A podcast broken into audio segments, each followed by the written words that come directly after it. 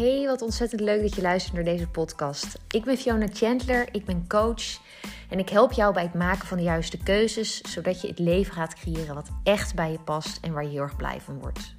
Het afgelopen jaar veranderde mijn leven compleet. Ik zei mijn baan op, ik startte mijn eigen coachpraktijk en ik maakte een bijzondere reis met mijn gezin, waarin we besloten dat we naar Spanje willen emigreren om daar straks een nieuw leven op te bouwen.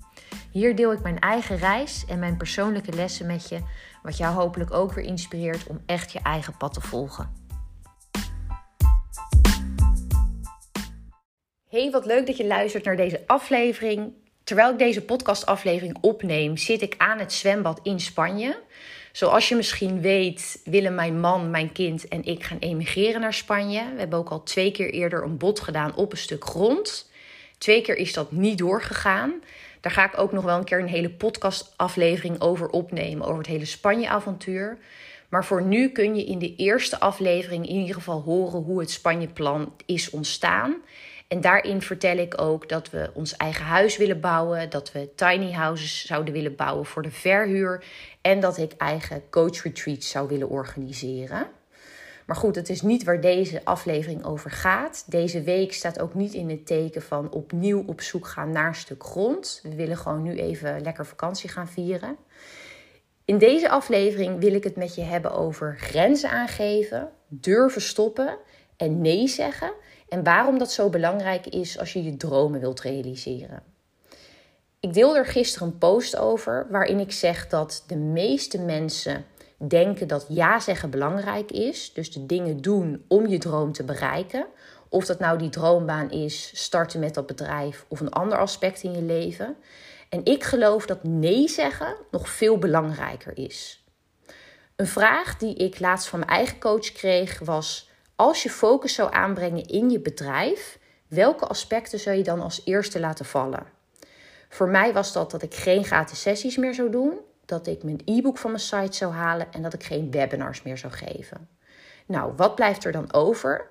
Eigenlijk alles wat me energie geeft, wat ik leuk vind om te doen, zoals deze podcast opnemen, zoals actief zijn op Instagram. En de dingen die me daadwerkelijk resultaat opleveren, zoals mensen benaderen voor een intake voor mijn traject The Right Choice.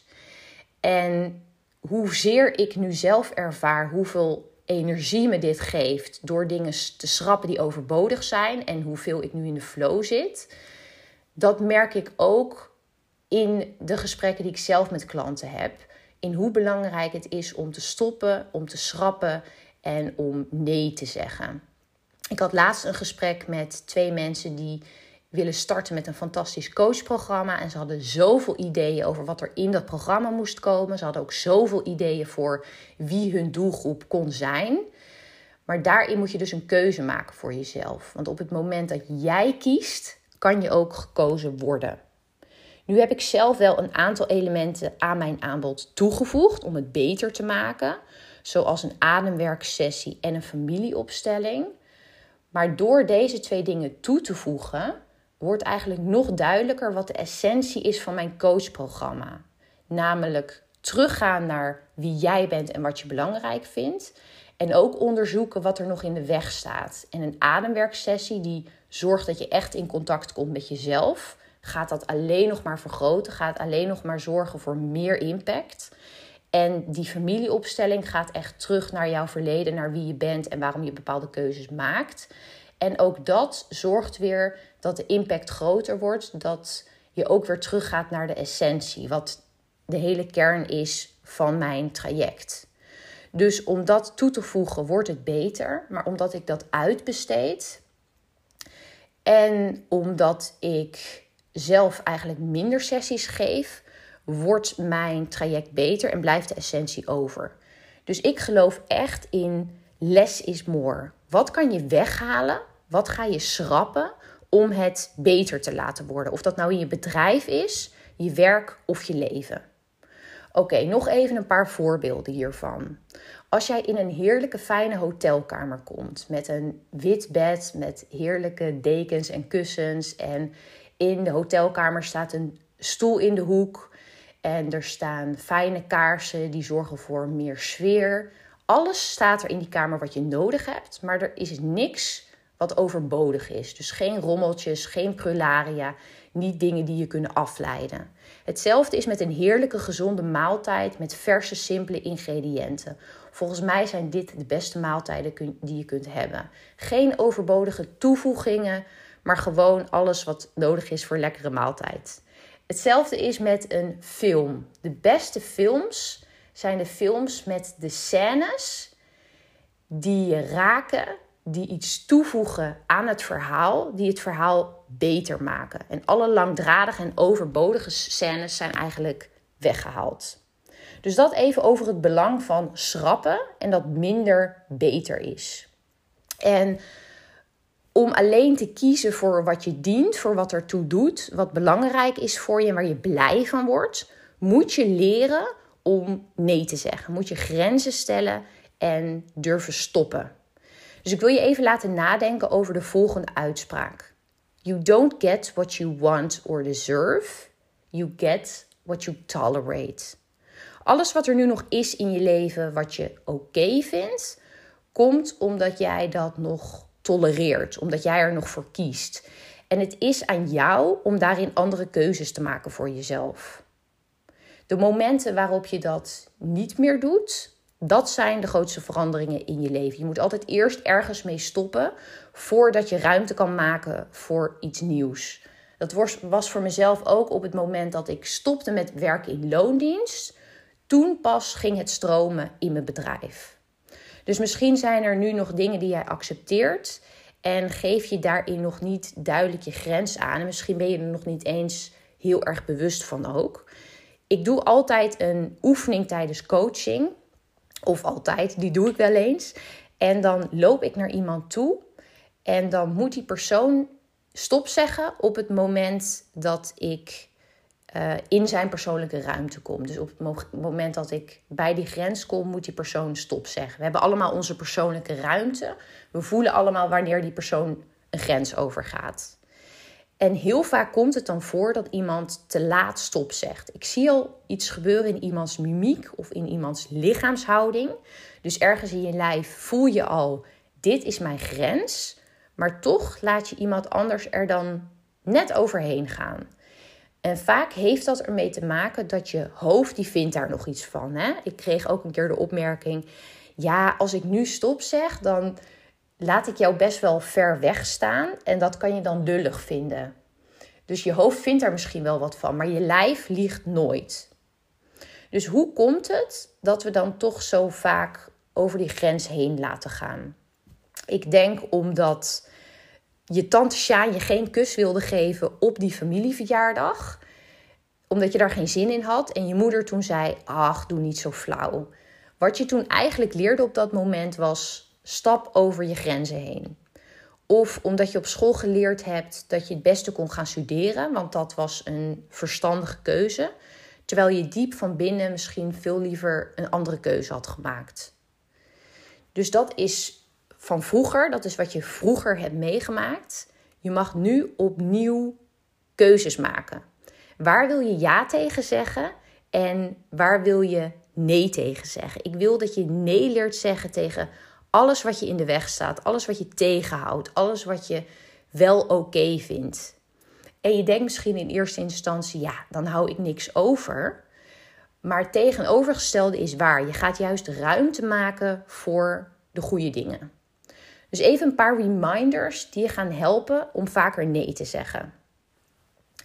De reden dat we vaak nee zeggen is omdat we de ander niet willen teleurstellen, omdat we willen dat de ander ons aardig vindt. Maar weet dat nee zeggen juist zorgt voor meer respect. Op de korte termijn zorgt het misschien voor populariteit, maar op de lange termijn zorgt het voor respect. Want je waardeert iemand meer als persoon als die doet waar die voor staat, in plaats van iemand die met alle winden meevaart. Ik heb zelf bijvoorbeeld bedacht: ik werk niet in de weekenden en ik werk niet in de avonden. En iemand kan dan denken: oh, Fiona is weinig flexibel. Maar iemand kan ook bedenken: oké, zij vindt dat belangrijk. Zij staat ergens voor. Ze vindt het ook belangrijk om tijd voor haar gezin te maken. En dus maakt ze die keuze voor zichzelf. Als je respect hebt voor je eigen wensen en behoeften, zullen anderen dat ook hebben.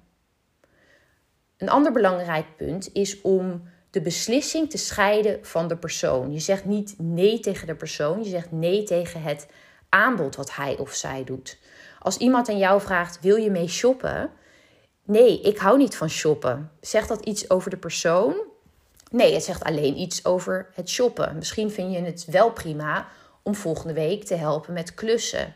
Dus scheid de beslissing van de persoon en weet heel duidelijk van: ik wijs die ander niet af, ik wijs alleen het aanbod af wat hij of zij me doet.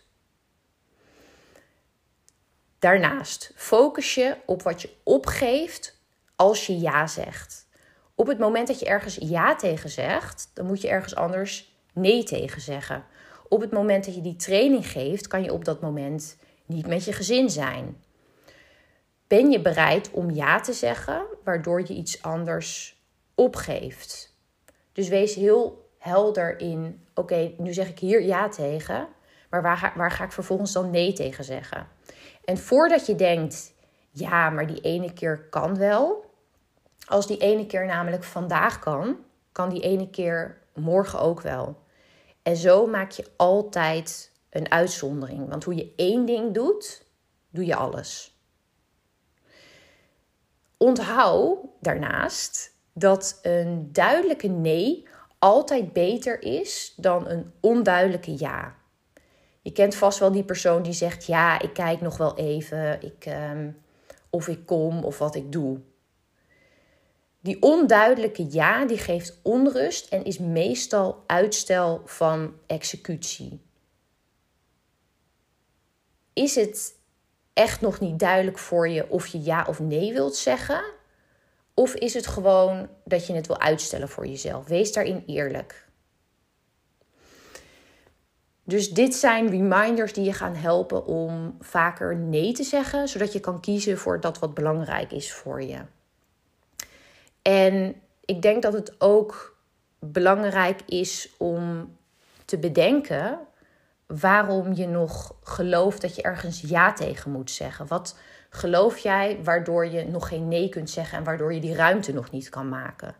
Ik denk dat een van de redenen waarom mensen het moeilijk vinden om nee te zeggen, is omdat ze al zoveel geïnvesteerd hebben.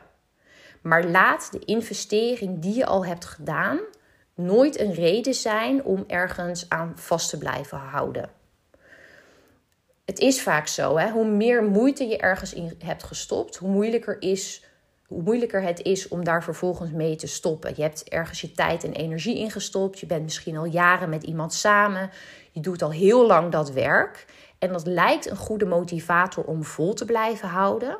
Maar misschien is de vraag die je moet stellen niet waarom stoppen als ik al zoveel geïnvesteerd heb, maar als ik niet zoveel geïnvesteerd had, hoeveel zou ik dan nu nog investeren? En denk niet, als ik doorga, dan lukt het. Maar waar zou ik nog meer mijn tijd en energie in kunnen steken als ik nu zou kunnen stoppen? Als ik nu zou stoppen. Kijk, doorzettingsvermogen is fantastisch, maar doe de dingen wel om de juiste reden. En ik doe het al zo lang, is niet voldoende reden volgens mij om ergens aan vast te blijven houden. Vaak zien we stoppen als falen dat het niet gelukt is, terwijl het veel beter voor je werkt om ergens op terug te mogen komen. En dat je kan zeggen, ja, met de kennis die ik nu heb, neem ik deze, deze beslissing. Met dat wat ik nu weet, kies ik er nu voor om te stoppen, om ruimte te maken. Een andere reden waarom mensen het moeilijk vinden om nee te zeggen, is op het moment dat er een kans voorbij komt. Maar het is zo belangrijk om jezelf aan te leren om niet ja te zeggen tegen elke kans die voorbij komt. De enige manier om namelijk te krijgen wat echt belangrijk voor je is, is om nee te zeggen tegen kansen die voorbij komen, maar die niet passen bij je grotere plan. Dus nee zeggen tegen alles wat niet hoort bij jouw top 10 mogelijkheden. De vraag die je zelf hierbij moet stellen is: is dit precies waar ik naar op zoek ben? En als het dan niet een duidelijke ja is, dan is het dus een nee. Voor je dat kunt doen, moet je een systeem voor jezelf bedenken waarin je vaststelt wat jouw minimale criteria is voor je bedrijf bijvoorbeeld of voor die droombaan. En wat het ideale scenario is, dus de beste criteria. En als een kans zich dan voordoet, dan kun jij bepalen: oké, voldoet deze kans aan de minimale criteria en ieder, in ieder geval twee van de beste criteria die ik heb bedacht. En als dat niet zo is, dan is het dus aan jou om nee te zeggen. Dit moet je van vooraf bepalen, want op het moment dat je dat niet doet, ga je redenen bedenken waarom je deze kans wel zou moeten pakken. Dus voorbereiding helpt je om nee te zeggen tegen makkelijke kansen zodat, dat, zodat er straks ruimte komt voor de meer betekenisvolle kansen. Dus terwijl ik aan het zwembad zit in Spanje, is dit wat ik je mee wil geven. Ik hoop dat het duidelijk is geworden hoe belangrijk het is om je grenzen aan te geven, om nee te zeggen, om te stoppen met dat wat je niet langer dient. Dus mijn vraag aan jou op dit moment is: Waar ga je vanaf nu nee tegen zeggen? Waar ga je mee stoppen? Wat ga je achter je laten, zodat er ruimte ontstaat voor dat wat je echt belangrijk vindt? Super bedankt weer voor het luisteren. In juni ga ik weer starten met het traject The Right Choice. Gaan we daarin heel duidelijk deze keuzes maken. Waar wil je wel voor kiezen, waar wil je niet voor kiezen? Zodat je echt dat bedrijf of die baan kan creëren wat je helemaal fantastisch vindt.